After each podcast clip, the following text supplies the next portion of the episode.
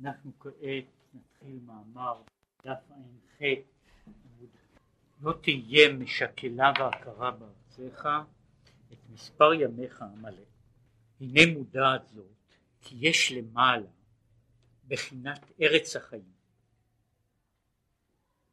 יש מקור החיים בדרגה מסוימת באופן מסוים הוא נקרא ארץ החיים ארץ החיים של מעלה שממנה נשפע חיים ומזון לכללות נשמות ישראל. לאהבה את השם, לעשות את כל מצוותיו אשר יעשה אותם האדם, וחי בהם חיים אמיתיים. כן, יש הארץ התחתונה, הארץ שלנו, ו, ויש מקור החיים, שורש החיים, מקורם למעלה הוא ארץ החיים של מעלה, ארץ החיים הזו היא המקור שמשם יש לנשמות ישראל את כוח החיים שלהם. דוגמה, ארץ הלזו התחתונה הגשמית שמצמחת כל מיני מגדים. להחיות בהם נפש כל חי גשמיים וזולתה אין קיום וחיות לכל הדרים עליה.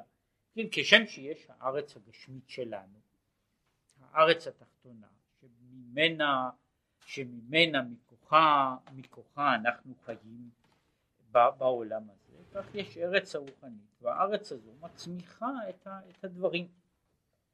כי לא יועיל הון ועושר, זהב וכסף, אם לא יהיה צמח האדמה חס ושלום, כן, כידוע. אומרת, אה, כמה, כל כמה שכסף הוא חשוב, קשה לאכול אותו.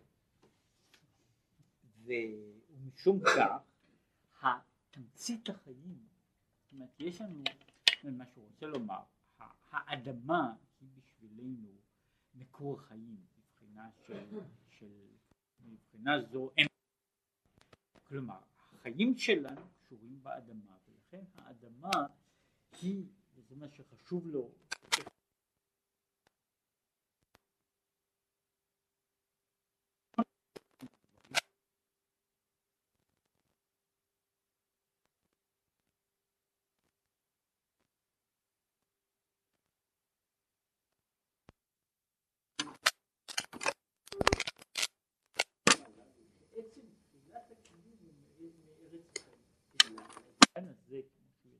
הלאה השאלה היא מה הם המקורות הבסיסים של החיים, כן? יש, יש הדבר הזה, התשתית שממנה כל החיים, הבסיסי החיים צומחים.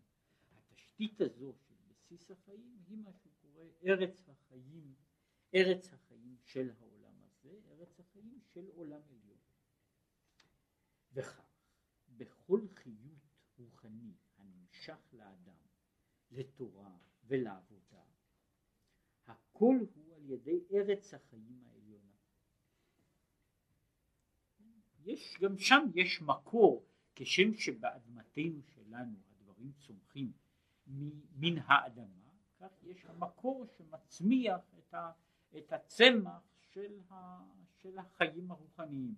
וזה הדבר הזה, מה שנקרא מלכות דלעילה, איך הוא ארץ החיים, ארץ החיים של שמשם הדברים צומחים. וכמו שכתוב, בארצות החיים. כן? הביטוי במקרא הוא בארצות החיים. הוא מאיר מה שכתוב בארצו. מדוע לא בארץ החיים? כי יש ארץ הילאה וארץ תתאה. גם בארצות החיים יש ארץ עליונה וארץ תחתונה. יש מדרגות בארץ. היינו מה שנקרא כנסת ישראל דלעילה וכנסת ישראל דלתתא כי גם למעלה יש בחינת כנסת ישראל כי ישראל עלו במחשבה. כשאנחנו מדברים על כנסת ישראל יש כנסת ישראל שאנחנו מדברים על קיבוץ היהודי שחי בעולם הזה ויש כנסת ישראל דלעילה כנסת ישראל דלעילה היא התמצית שורש של נשמות ישראל בדרגה יותר גבוהה משום אומר נשמות בני ישראל עלו במחשבה לאמור בסיסם הראשון מקור החיים שלהם הוא בדרגה גבוהה יותר. ונקרא העניין הזה, המהות הזו, נקרא בשם ארץ, משום שהדימוי לארץ איננו רק משום שזו תשתית, אלא שכשם שיש, שיש ארץ, כך בארץ יש, יש לה בסיסים, יש לה, יש לה, יש דרכים איך מאבדים את האדמה, איך מתייחסים אל האדמה. האדמה איננה רק הקרקע, כלומר בונים עליה בניינים, היא המקום, דרך ההצמחה שמצמיחה האדמה היא דרך אה, ששייכת ונוגעת לארץ בעצמה. כי כמו ארץ הלזו שלנו הגשמית אין כוח צמיחתה מצד עצמה. מצד אחד הארץ היא המקום שממנו הכל צומח מן האדמה הכל יונק. עם זאת, עם זאת, הארץ הזו שהיא מקור החיים איננה יכולה להצמיח את הדברים מעצמה, אלא מן הזריעה וכוח הצומח אשר ניתן בה להיות ממנה ועל ידה נגדל ונצמח כל הזרעים שבתוכה.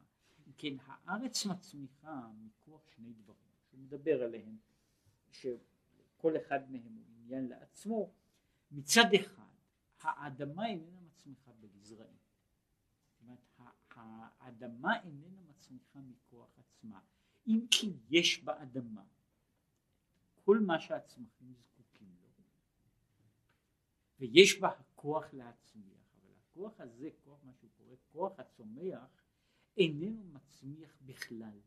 כדי להצמיח דברים הוא צריך שיהיה לו זרע. כן? והאדמה למרות שממנה יוצאים כל הזרעים בכל זאת צריכה לקבל זרעים. כך החיים הרוחניים הנמשכים ונשפעים מארץ החיים הם מצד אחד נמשכים ממקור וחיי החיים כי הוא הנותן כוח בארץ להוציא צמחה.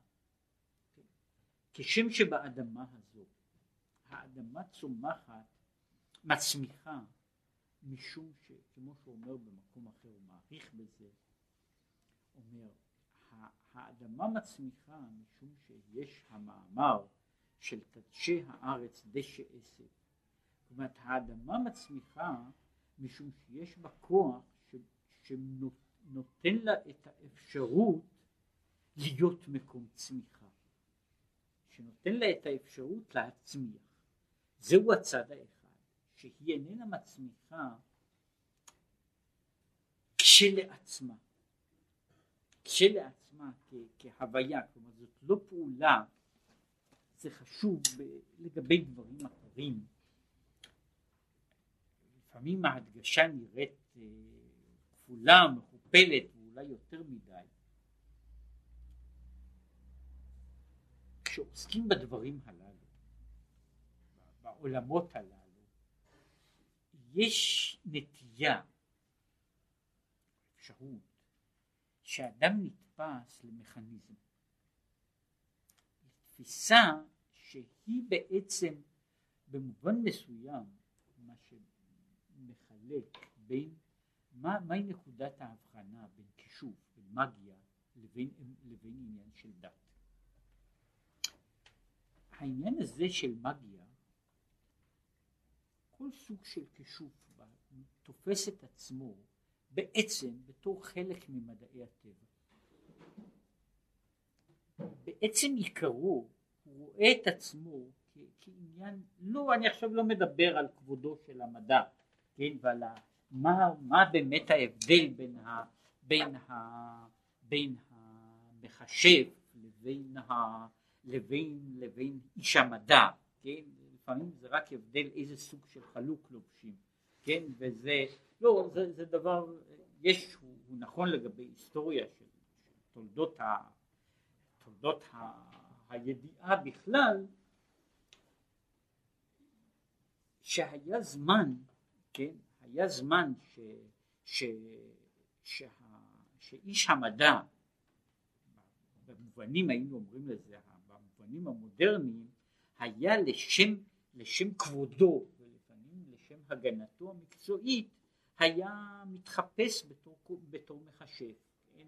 המאה ה-16-17 עם ההתחלות של המדע היא עומדת על גבול שיש על כמה אנשים איש איננו יודע בדיוק אם הוא היה, אם הוא היה מחשב או היה איש מדע, למשל איש כמו פרצלזיוס, כן, שהוא אה, עומד בערך בתווך בין אלה לאלה, שלא לדבר על האלכימאים וכיוצא בהם, אבל יש דבר, האמת היא שעובדה שמלבישים, מי שרואה למשל, אה, זה נכון, ב, נכון בכל מיני, בכל מיני תרבויות, תרבויות פרימיטיביות, כן, הרופאים המקומיים הם בדרך כלל אה, המחשבים המקומיים. וגם כשהם משתמשים בדרכים איך לקרוא לזה קונבנציונליות וטבעיות הם עדיין פועלים כמחשבים. כן? והבגדים משתנים בהתאמה ככה מעניין ממקום למקום. אבל הנקודה היא שבאמת מגיה היא ביסודו של דבר רואה את עצמה תופסת את עצמה קולטת את עצמה כמדעי הטבע. באיזה מובן? לא רק במובן הזה שהיא מטפלת באיזה חוקיות. שהיא מטפלת, היא מטפלת בעולם שהוא ביסודו של דבר חוקי. אלא גם בזה שהחוקיות של העולם היא חוקיות שהיא בעיקרה הכרחית. כלומר היא חוקיות במובן הזה כשאני כשאני מבחין באיזשהו דבר שהוא שייך למה שקוראים לזה לחוקי העולם ההנחה הבסיסית שלי בכל אלה היא שכשאני עושה דברים מסוימים אני בהכרח מגיע לתוצאות מסוימות.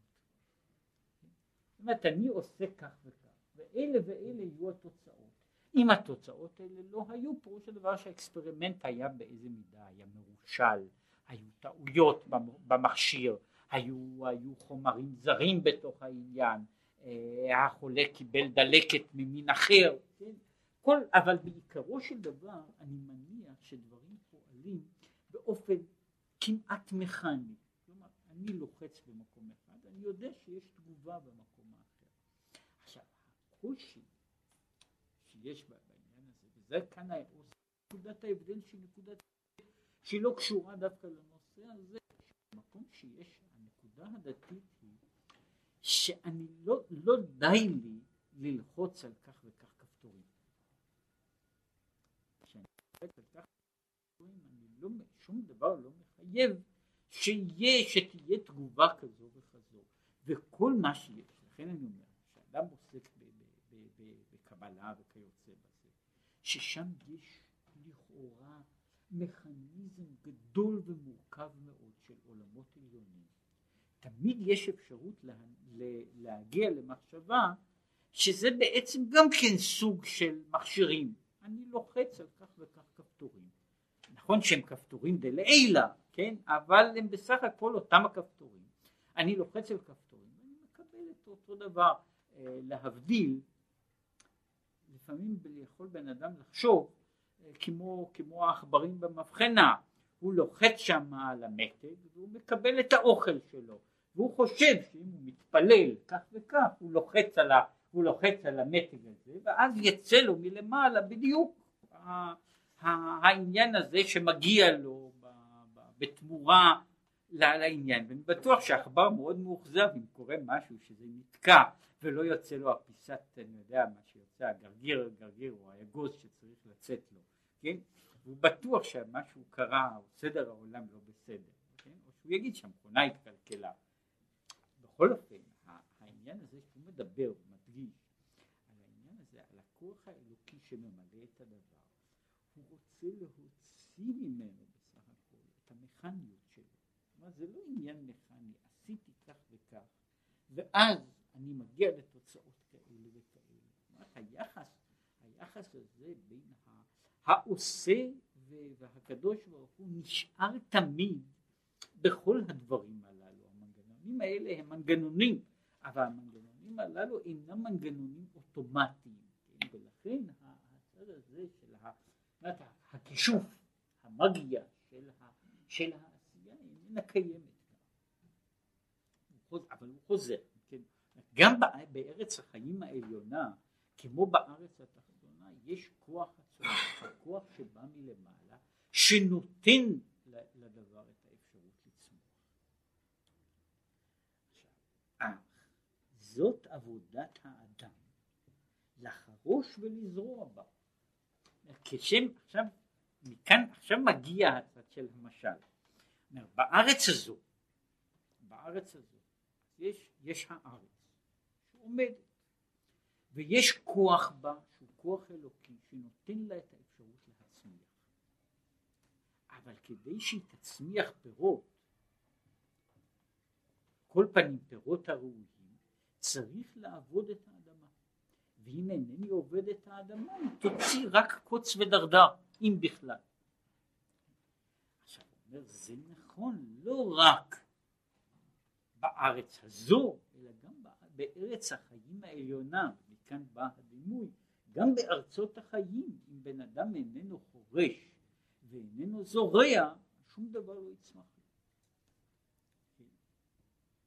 היינו כמו שכתוב, אור זרוע לצדיק. מדובר פה על העניין הזה, הזריעה, האור זרוע לצדיק, כן, אה, אה, יש מאמרים ארוכים שהם קשורים קצת לעניין הזה, אה, לעניין הזה של זרעתם לכם לצדקה. כן? זה אומר, איפה אני זורע את הצדקה? את הצדקה אני זורע בארץ העליונה ואז צומח מזה החסד. כן? אבל אני צריך, אני צריך לזרוע בארץ הזו, אני צריך להכניס בתוך הארץ הזו כדי, ש, כדי שהיא תצמיח. כי ועמך כולם צדיקים כתיב. ואינו שם התואר. דהיינו מדרגת אדם צדיק, צדיק אמיתי שנתבאר במקום אחר. כשהוא אומר אור זרוע לצדיק הוא אומר ככה אור זרוע לצדיק איננו מדובר דווקא על צדיק במשמעות הזו כמו שהוא אומר למשל מסביר אותה בתניא שהוא מעמיד את, את הצדיק בתור מדרגה שהיא אה, של מה שאפשר היה לקרוא לו של האדם העליון, כן? בכל המדרגות, בכל התפיסות הפילוסופיות של האדם העליון. כלומר, הצדיק הוא בעצם בריאה, כמו שהוא מגדיר אותו, צדיק על שם אמיתות שם התואר, הוא בעצם הוויה מיוחדת. הוא לא הוא לא, הוא גם, הוא נולד צדיק. כלומר, הוא נולד צדיק במובן הזה שהוא נולד עם, עם כישורים מיוחדים, עם פוטנציאל מיוחד שהוא יצא, שהוא יצא, אם הוא ירצה, הוא יוכל להיות צדיק. כן? שבמובן הזה, כמו שהאדם נולד עם הכישורים שלו להיות אדם. כן? עכשיו, אם אלה מאיזושהי סיבה לא יפותחו הוא לא, הם לא יגיעו לידי מימוש. כלומר, בתוך מערכת הכישורים של האדם יש, מער, יש מערכות מורכבות, אחדות מהן הן אוניברסליות. יש, יש לאדם הכושר שנטוע בכל מישהו בגדר, בגדר מין אדם לסוג מסוים של מחשבה מופשטת, שהיא למשל זו שמאפשרת לקרוא ולכתוב. עכשיו, אם לא ילמדו אותו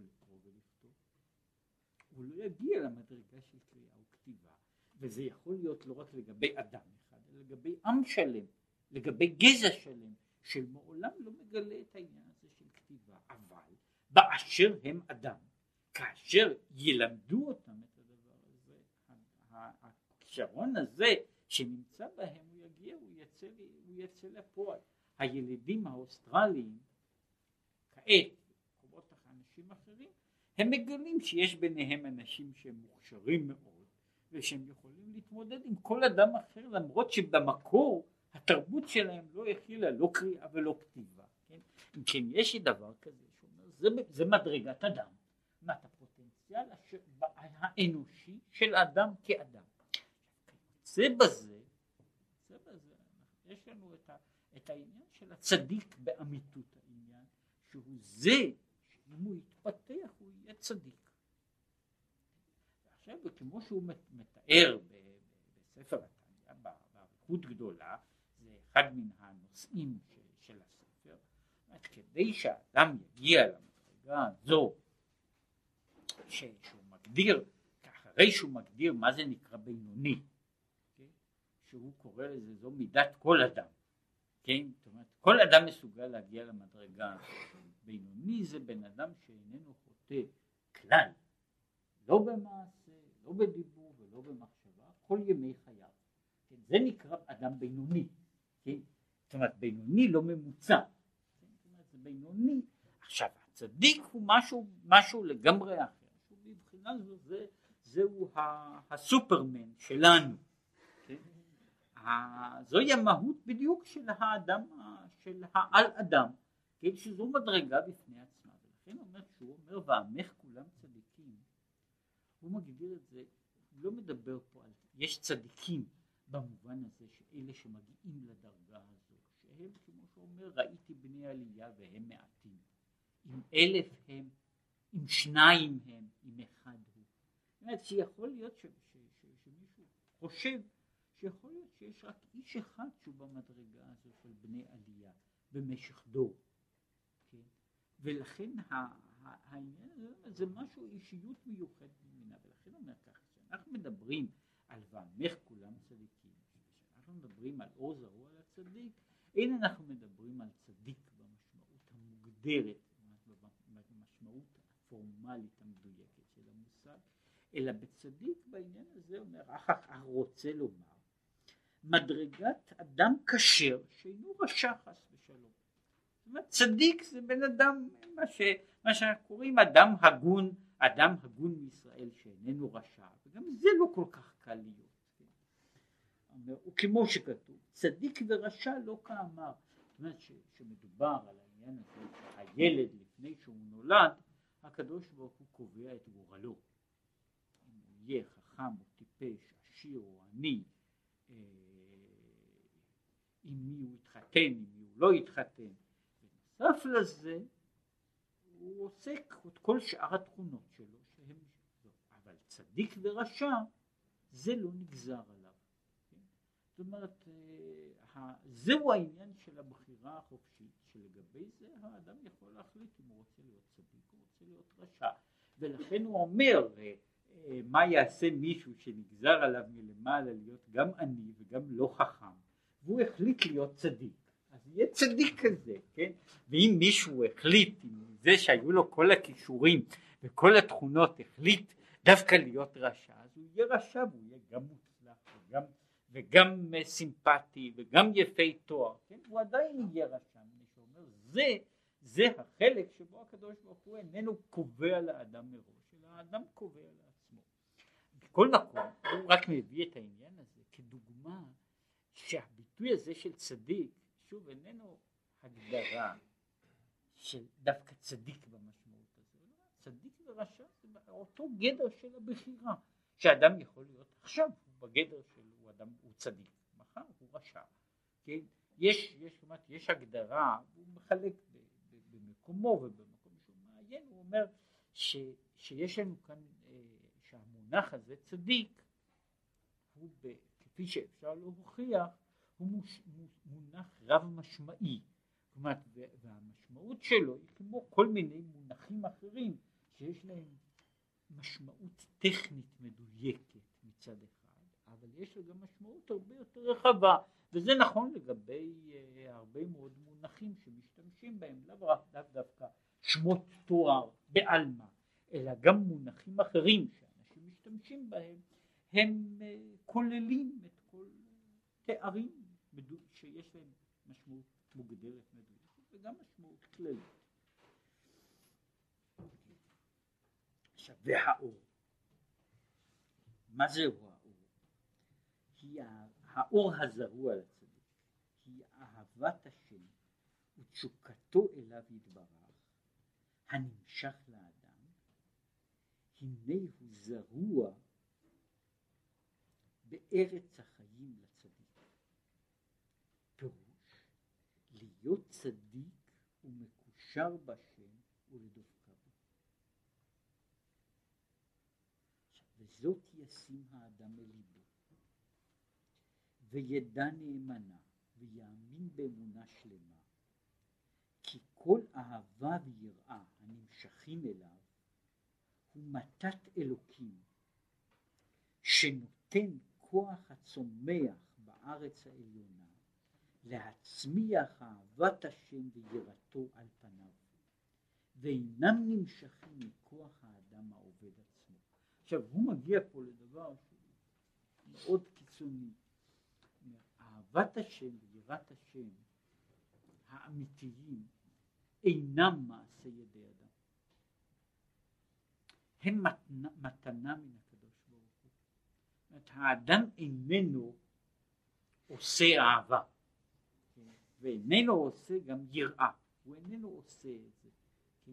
עכשיו, הוא, הוא לא, אחר כך לדבר על זה, יש עבודה של האדם, כן? אומר, באותו אופן, באותו אופן, שבעצם, אומר, האדם צריך להסתכל על נפשו כשם שהחקלאי מסתכל על עבודתו. אני לא מצמיח את העגבניות שלי. אני לא זה שמצמיח, אני צריך לסייע, אני צריך לתת להם את האפשרות לגדול, אני צריך לעשות את מעשה הזריעה, אני צריך לעשות את מעשה הטיפול, אני אינני מצמיח. הכוח הזה להצמיח הוא לא הכוח שלי. כן? עכשיו, וההגדרה הזו היא בעצם עגבנייה איננה צומחת מפני שאני עושה עגבנייה. אני אינני מייצר אותה. אני נותן לה את האפשרות, את האפשרות לצמוח. אני נותן לה את האפשרות לגדול. זה בעצם מה שאני עושה. ועל כן, כל עיקר עבודתו לא תהיה לאהוב השם מעצמו שיהיה הוא העובד והוא האוהב.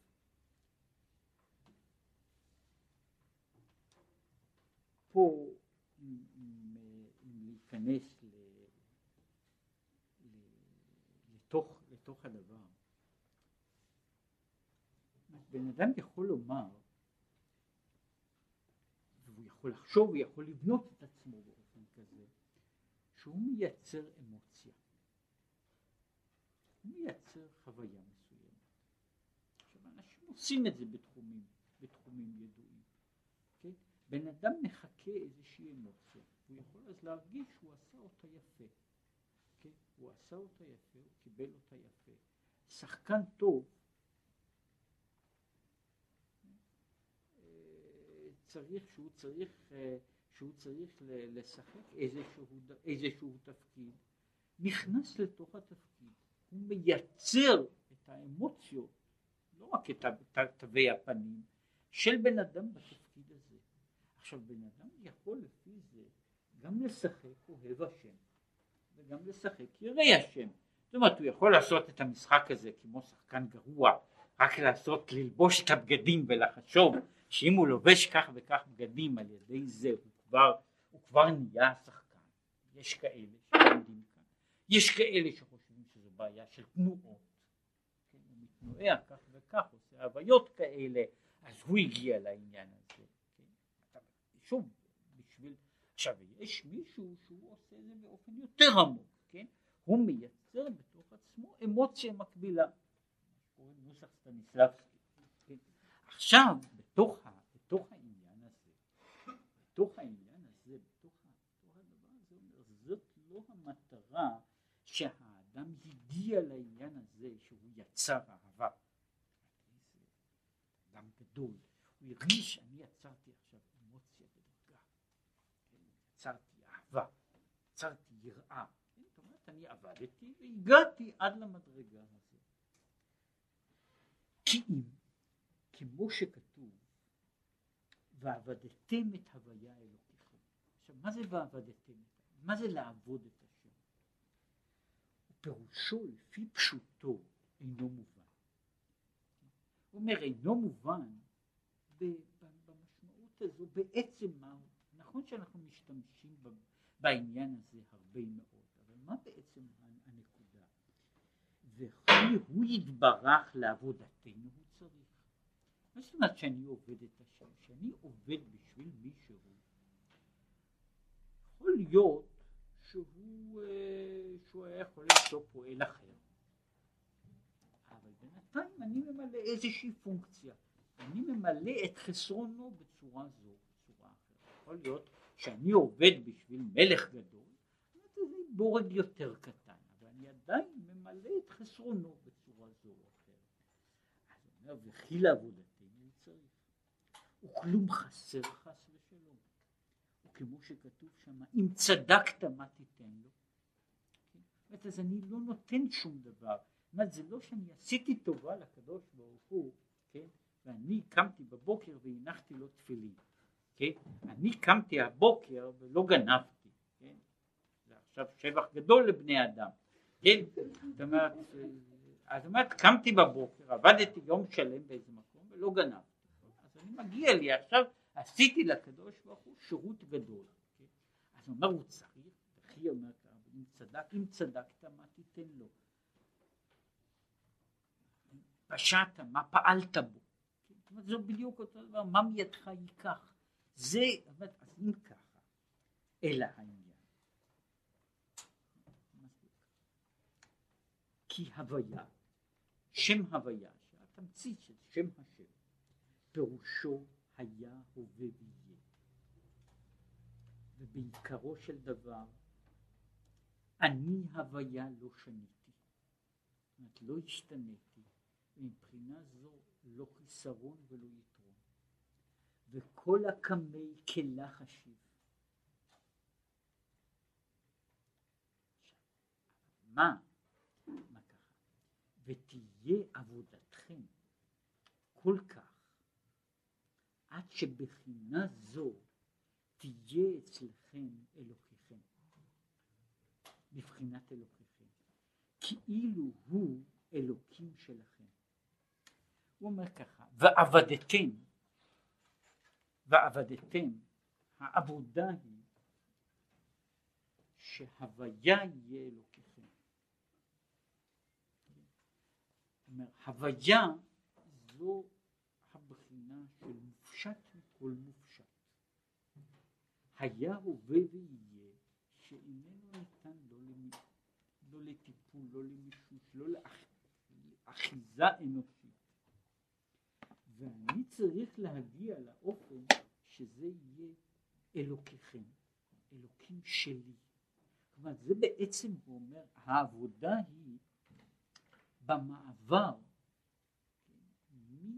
שהוא מצד אחד, כמו שהזכרתי, אנחנו מדברים, מחייבים, דורשים את, את התפיסה של המופשט מכל, תפיסת הטרנסצנדנט. אבל אנחנו לא מסתפקים בזה שבן אדם הגיע להשגה שיש שם, אי שם בגבולות, בגבולות עליונים, יש שם מהות כזו, שינוח בשלום, אלא שזה שהעניין הזה של אלוקיכם זה העניין, הכינוי הקניין וכינוי השייכות ותפיסת השייכות היא אלוקים שלי. זאת אומרת שלי שאני מתייחס, שיש לנו התייחסות הדדית. הוויה, אני לכאורה כאילו נמצא במופשט שבו מופשט. כן? ואז אין, אין שום שייכות, והבעיה היא איך מגיע התפיסה הזו של המופשט הגמור עד לבחינה של השגה והתייחסות. מה זה אלוקים שלכם? דהיינו, שיהיה שורה וקבוע במוח ומחשבה. הוא מורגש ונתפס בשכלו, באמת לאמיתתו, כאילו עיניו רואות גילוי אלוקותו יתברך ממש. Okay. כל, כל סדר העבודה הוא, סדר העבודה הוא בעצם העבודה, שהוא אחר כך ידבר על העניין הזה, כמה שזה, מה העבודה ומה קושי העבודה, שהעבודה היא להביא לזה שהעניין, המושג, המהות של העניין האלוקי תהפוך להיות לממשות, לא למילה, מושג מופשט, אלא לממשות כשם שיש כל ממשות שקיימת, לפחות. עכשיו התפיסה הזו, ההעברה הזו אל תחום היא עבודת השם.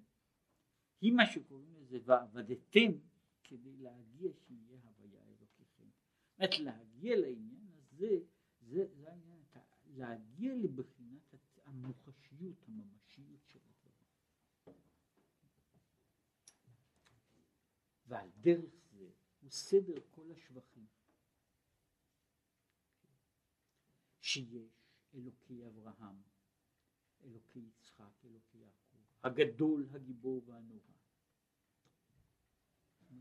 כי במקום שאתה מוצא גדולתו, שם אתה מוצא ענוותנותו. והוא מדברת על הדברים באופן לגמרי אחר. מה זאת אומרת במקום גדולתו אתה מוצא ענוותנותו?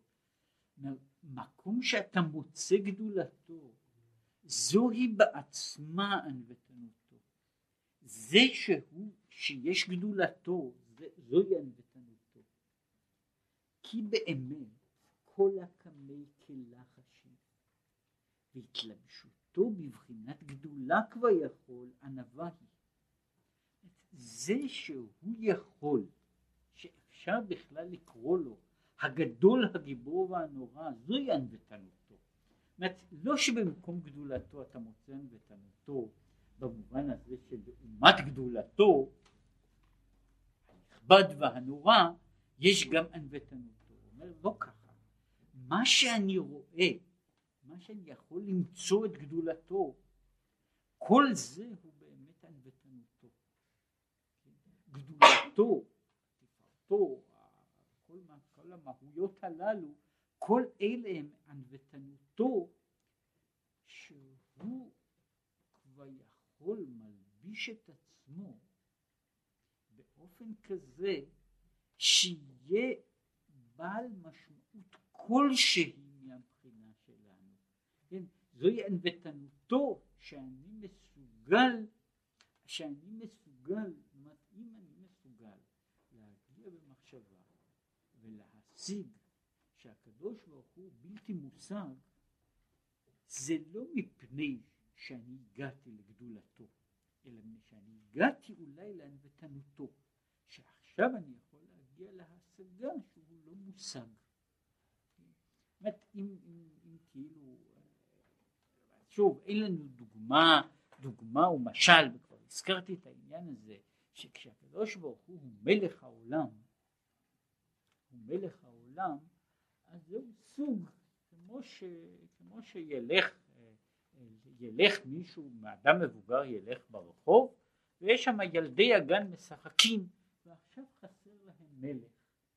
והם יגידו, אולי אתה רוצה לשחק, אתה תהיה המלך. כן? אז זאת גדולתו בתור המלך בגן הילדים, היא ענוותנותו, היא לא גדולתו, היא ענוותנותו, היא זה שהוא מסכים להוריד את עצמו ולהיקרא המלך של, של גנון, כן, הגנון הסמוך פה, כן, אז הוא מוכן, אם הוא מוכן להיקרא המלך פה, אז זה לא מפני גדולתו, זוהי בעצם ענוותנותו, ובכל תפיסתנו שאנחנו תופסים את גדולתו, מה שאני תופס, אני תופס בעצם את ענוותנותו, שאני עכשיו מגיע לשלב כזה, שאני יכול להגיד שאינני מבין, אינני מסיב, שהוא הגדול, הגיבור והנורא וכך הלאה, זהו מפני שהוא, זוהי ענוותנותו שהוא יוכל. אז הוא אומר, והוא באמת עיקר העבודה. ומכאן עיקר ההתחלה, מלמעלה למטה. אז בעצם כשהוא מדבר על הגדול, הגיבור והנורא, הגדול, הגיבור והנורא אלה לא הגילויים של העולם. עצמה דלעילה. הגדול הגיבור והנורא הם הגילויים של ענוותנותו, של זה שהקדוש מוריד עצמו עד למציאותנו שלנו באיזה אופן שהיא ברת התייחסות. שהיא ברת התייחסות, שאני יכול בכלל, כשאני יכול, למעשה הוא אומר שבמהות, במהות העליונה, אני כל כך אין לי תפיסה שאינני יכול בכלל להגיע לאיזשהו דיבור, פחות מאשר דומיית תהילה. מתי אני יכול להגיע לאיזושהי נקודת, נקודת uh, הכרה, כאשר הוא מוריד את עצמו דרגה אחר דרגה, דרגה אחר דרגה, שיש לי גילוי כזה שאני מסוגל עכשיו להבין שאינני מבין. זה, זה, זה יוצא שיש יש מישהו, משהו, שהוא באמת נשגב למעלה הרבה מבינתי. כתוב בשפה שאינני יכול בכלל להשיג ולהבין אותה. כן? אז אינני יודע שאינני מבין. כן? אם אני רואה מערכת של דברים מופשטים לגמרי, כן? מספרים מופשטים לגמרי, אומרת, זה שאינני מבין הוא בעצם חסר משמעות.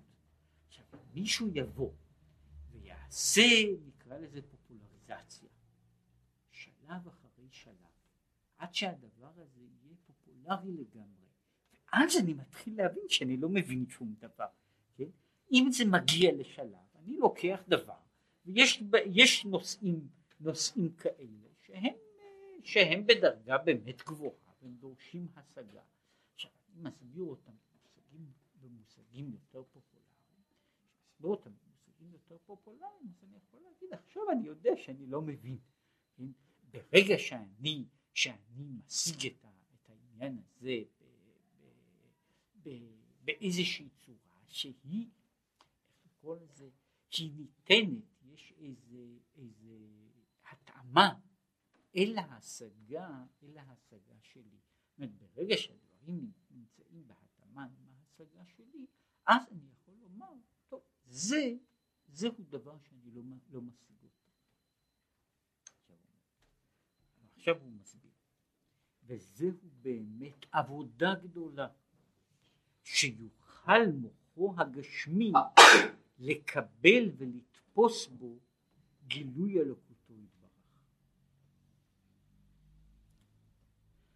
וכדי שהמוח הגשמי יוכל בכלל לקבל דבר כזה, זוהי עבודה שהוא קורא לה, שהוא קורא לה יגיעת, יגיעת נפש ויגיעת בשר.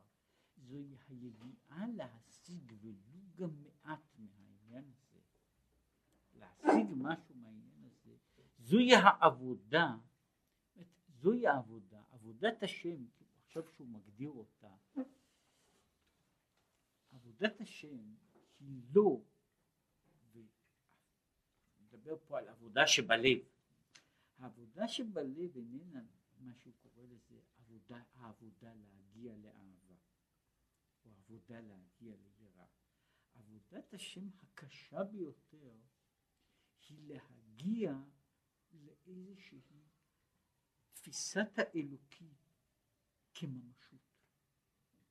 זוהי העבודה, זוהי העבודה שהוויה יהיה אלוקיכם, שהבחינה של מופשט תגיע לבחינה של על כל פנים משהו שאני יכול להתייחס אליו. והנה בכאן נולדה ונתעוררה מידת האהבה ויראה. כאן נולדת אהבה ויראה. בנקודה הזו, בנקודה הזו שבה האדם מגיע לאיזו נקודה של עימות. שם האהבה והיראה נולדת לא על ידי זה שהוא עובד על אהבה ויראה? אלא היא נולדת האהבה והיראה. עכשיו היא נקראת בשם הולדה. בין השאר, עכשיו מדבר על זה, יש גם ביטוי כזה, על, ה, על הארץ והולידה והצמיחה. ההולדה היא כאילו, יש, יש דבר, אני עושה ה... אני עושה פעולה. אחר כך היא עכשיו צומחת, מה שהוא קורא לזה בארץ העליונה. מכוח הצמיחה הזו עכשיו יוצא פרי. הפרי הזה הוא יכול להיות, הוא עשוי להיות צפוי, אבל הוא לא עשוי. עכשיו הוא אומר, הפרי העבודה הוא האהבה והיראה, אבל הוא בא מפני שאני עבדתי, מה שקורא לזה, זוהי עבודת האדם שהוא זורע בארץ העליונה, ואז נולד, נולד משהו. נקראת בשם הולדה, כי אהבה ויראה הן בחינת בן ובת. שאהבה היא בחינת בן. רמז לדבר, כמו שאומר, זכר חסדו, חסדו הוא זכר, חסד. והיראה היא בחינת בת. ועל זה יש גם כן אגב אה, אה, פסוקים, למשל אישה יראת אלוקים, כן, אישה יראת השם, כן, שזה עכשיו הוא אומר האהבה היא בחינת, היראה היא בחינת בת. עכשיו הוא מעיר, וזהו בתחילה סימן יפה לבנים. הוא אומר, הרי יכול להיוולד בן תחילה, הוא יכול להיוולד בת תחילה. כשנולד בת תחילה זה סימן יפה לבנים, מפני שהוא אומר, זה, זה כך, כך, זו דרך נכונה של צמיחה, וכשיש דרך אחרת, אז הדרך הזו היא לא הדרך הטובה של צמיחה. כן? אומר, יכול להיות שהאדם יגיע לאהבה לפני שהוא מגיע ליראה, או שהוא יגיע לאהבה והוא לעולם לא יגיע ליראה. כן? עכשיו זה הוא מדבר שיש העניין הזה של קדימת היראה לפני אהבה, שזה באמת השער. מה שאין כן. עכשיו כל זה היה כשאדם עובד, עובד את השם. זאת אומרת שהוא עובד את השם, אז לפי זה הוא בן אדם לא עובד, העבודה שלו היא לא ניסיון להגיע להתעוררות אמוציונלית, העבודה שלו היא להגיע לתפיסה של התקשרות, וההתקשרות הזו היא התקשרות כדי להגיע לבחינת ההתממשות של הגילוי האלוקי באיזשהו אופן.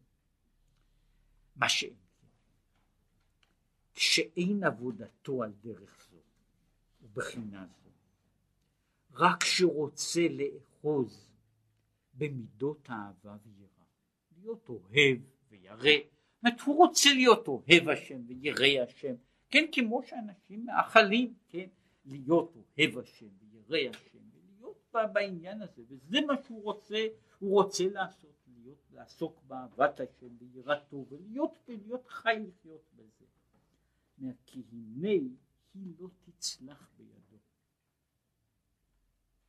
ולעולם לא יוליד שום אהבה ויראה אמיתיים. כי אם דמיונות שווא, מה שהוא יוליד בתוך עצמו יהיה רק דמיונות שווא. וזה מה, מה העניין שלו? שהוא דבר שאין לו קיום אלא לפי שעה. מה העניין הזה של, של דמיון שם? אם בן אדם הגיע להכרה, הוא הגיע לחוויה אמיתית, החוויה האמיתית צריכה להחזיק. אם היא עניין שפתאום מתלקח בו באדם, כן? והוא אחר כך נעלם, כן? אז זוהי, אה, זו, זו לפעמים לא דוגמה של של אהבה, אלא זו הייתה איזושהי איזו פעולה, פעולה של דמיון, מה, ש, מה שקורה לבן אדם שנדמה לו, ויכול להידמות, יכולים להידמות לאנשים כל מיני דברים. כן, היה פעם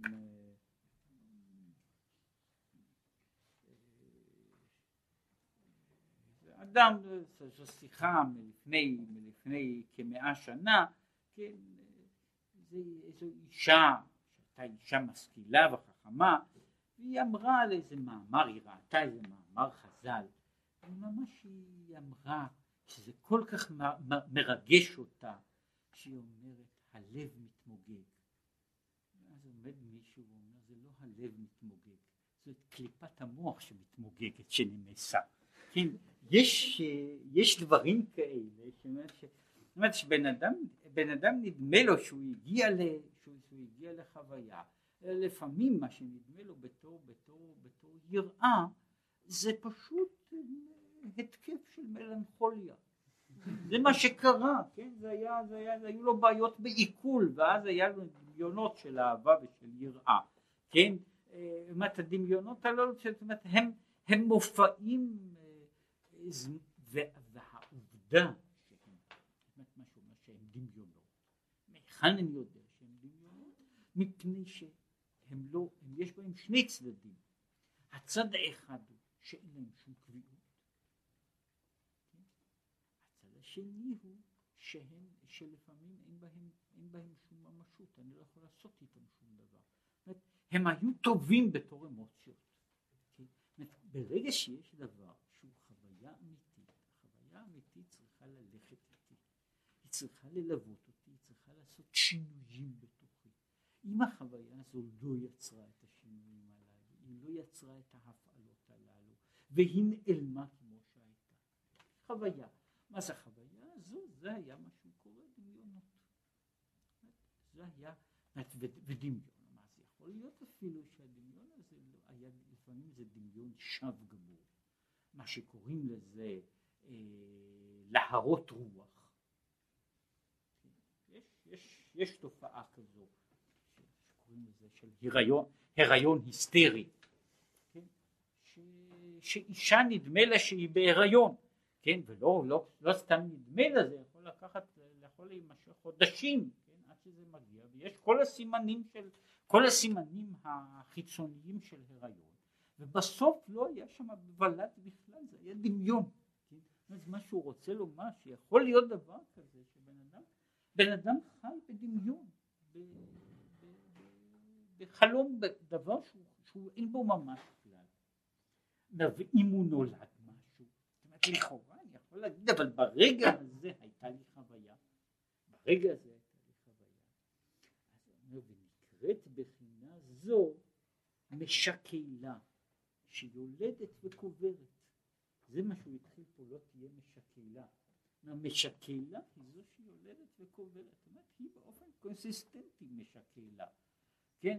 כי כל מה שנולד בנפש הזו זה רק אה, ולדות מתים. הוולדות הללו לא מוציאים, לא מוציאים, לא שהם לא מוציאים את שנתם, הם לפעמים לא מוציאים את חצי השעה שלהם, כן? הם, אה, זאת אומרת, הם, הם נולדים והם אה, אה, מיד לאחר מכן הם נעלמים, נעלמים, מפני שמעיקרו הם לא היו, לא היה להם, לא היה להם בסיס של חיות. עכשיו, הכרה היינו שאינה יולדת אהבה ויראה כלל. כשם שיש משקלה, כך יש גם הכרה.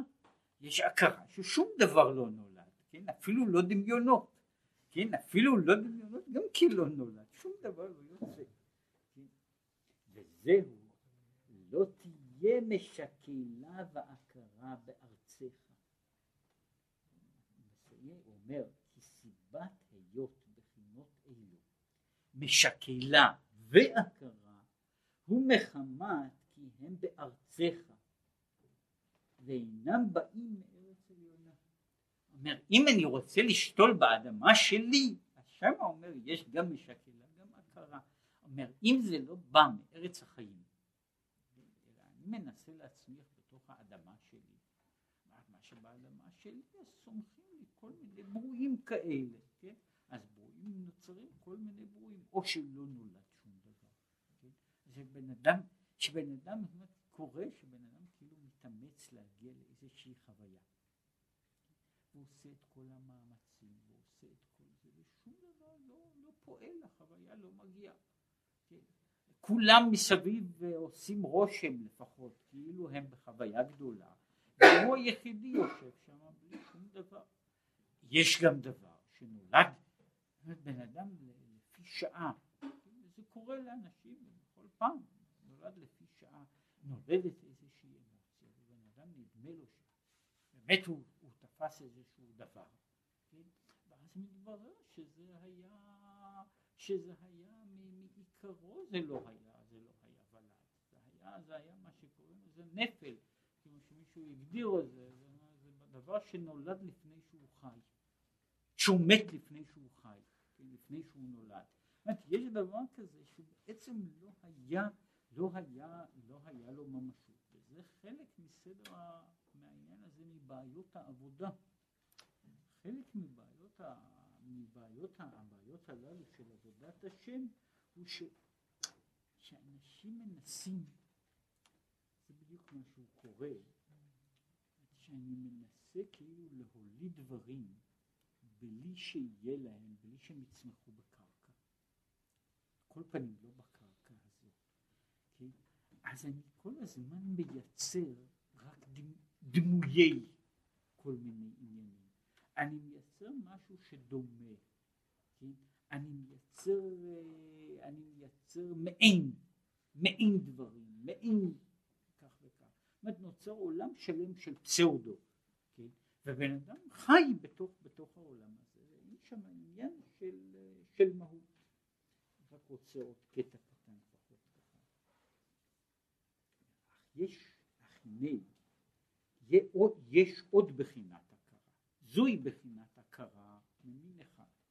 יש עוד בחינת הכרה. הוא קניין מאמר חז"ל, שאומר ככה, אומר שעל שרה שאין לה ולד, אפילו בית ולד אין לה. רחם בכלל.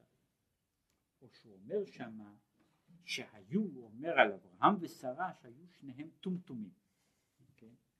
פירוש, עכשיו הוא אומר, עכשיו לא נכנס להסביר את העניין הזה במונוח הרפואי שלו, אלא הוא רוצה, הוא עכשיו אומר ככה, מה פירושו של דבר בעניין הרוחני, שבן אדם הוא, עכשיו הוא, זה, זה ההבדל, שבן אדם הוא מה שהוא קורא לזה, הוא טומטום. מה, מה העניין הזה, כן? אז הוא אומר פירוש שנסתם כל כך עד שאין לה כלי קיבול לקבל הריון. זה לא, זה לא חיסרון, יש לפעמים שיש, שיש כלי, יש כלי, אבל יש פגמים, יש פגמים מפני שאין זרע, יש פגם מפני שיש פגם במנגנון, זה יוצר או משקלה או הכרה, אבל יש על כל פנים, יש מנגנון פנימי שהוא מאפשר הולדה, אלא ש, שבמקרה הזה ההולדה לא יצאה לפועל מטעם זה או מטעם אחר. אבל יש דבר שאין שם בכלל, אין רחם בכלל, אין שם בכלל, אין, אין, אין אפשרות בכלל להיכנס. ועל דרך זה, הנה יש באדם גם כן בחינה זו לעבודת השם. שאינו תופס במוחו ושכלו האמת כאשר הוא מחמת, מאחר, מחמת שאין לו כלי מחזיק. אז יכול להיות שאין בכלל כלי לקבל. זה לא שהוא מגיע לעניין הזה, אין בכלל כלי לקבל את הדבר הזה. אז עכשיו מסביר. כי כנסת ישראל נקראת, אחד הכינויים למלכות שהיא כנסת ישראל, הוא כוס ישועות. שהוא כוס, שזה סמל של המלכות בכל מיני אופנים, בכל מיני הקשרים, הוא כלי קיבול לקבל החסדים העליונים. זה נקרא כוס ישועות. הכלי שמחזיק בתוכו את הישועות. ונקרא באופן אחר, קוראים לזה כוס של ברכה. שמקבל את יין המשמח.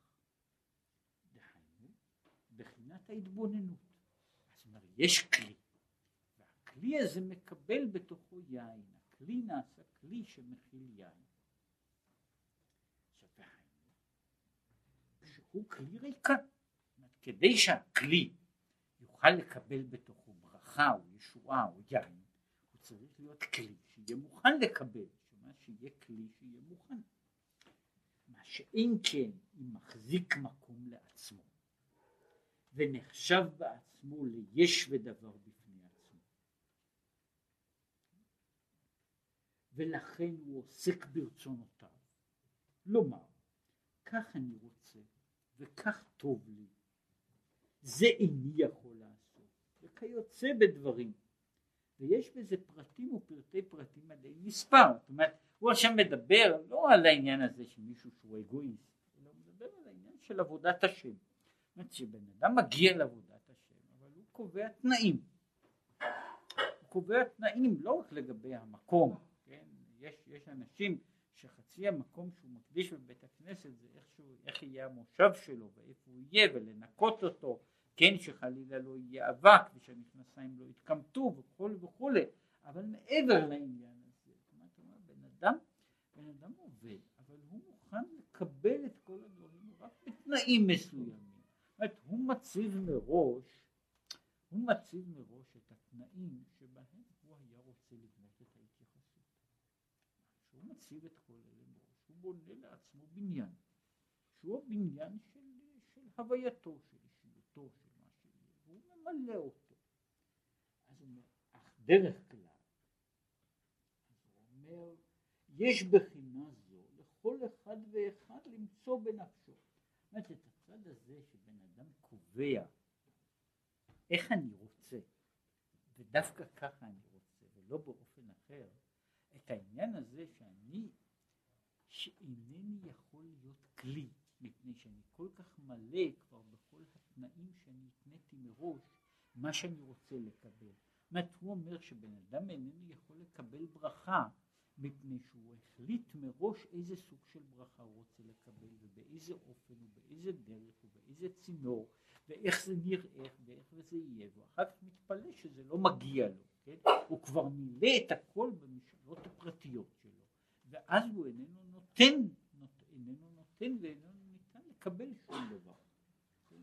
מה שאגב קורה בכל מיני דברים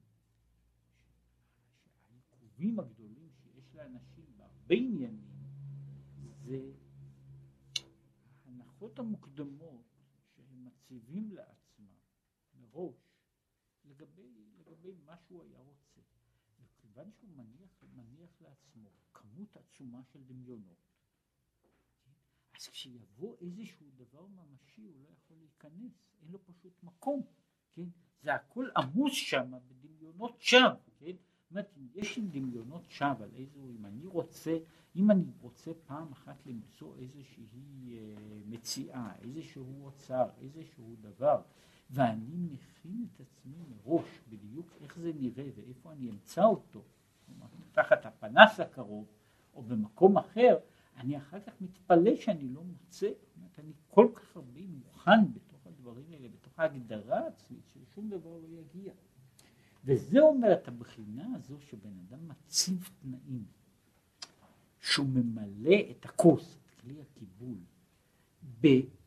ברצונות הפרטיים שלו ובאופנים הפרטיים שלו, כן? זאת אומרת, אני רוצה לראות רק דבר כזה, אני רוצה לפעמים בן אדם,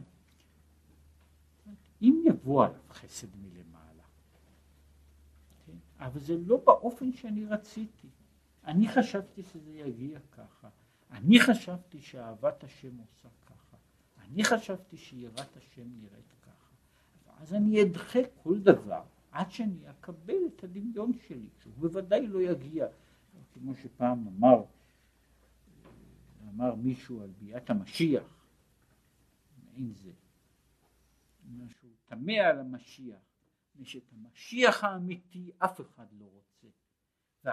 וזה שכולם רוצים אותו הוא בוודאי לא משיח. יש הדבר הזה, מה שאנשים, האנשים מדמים, מדמים ורוצים לעצמם, אז זה בוודאי לא המשיח. כן, ו- ולגבי האמיתי יכול להיות שאף אחד לא רוצה, אין לו מקום. הוא צריך בדיוק, הוא בטוח שאם המשיח נאמר לא, לא, י, לא ייקח את השטיבל שלו, כן, ויעשה אותו ראש תלפיות, כן, אז זה לא משיח, כן, אז איך יבוא המשיח? אז הוא אומר, הדבר הזה אפשר, כל אדם יכול למצוא בעצמו.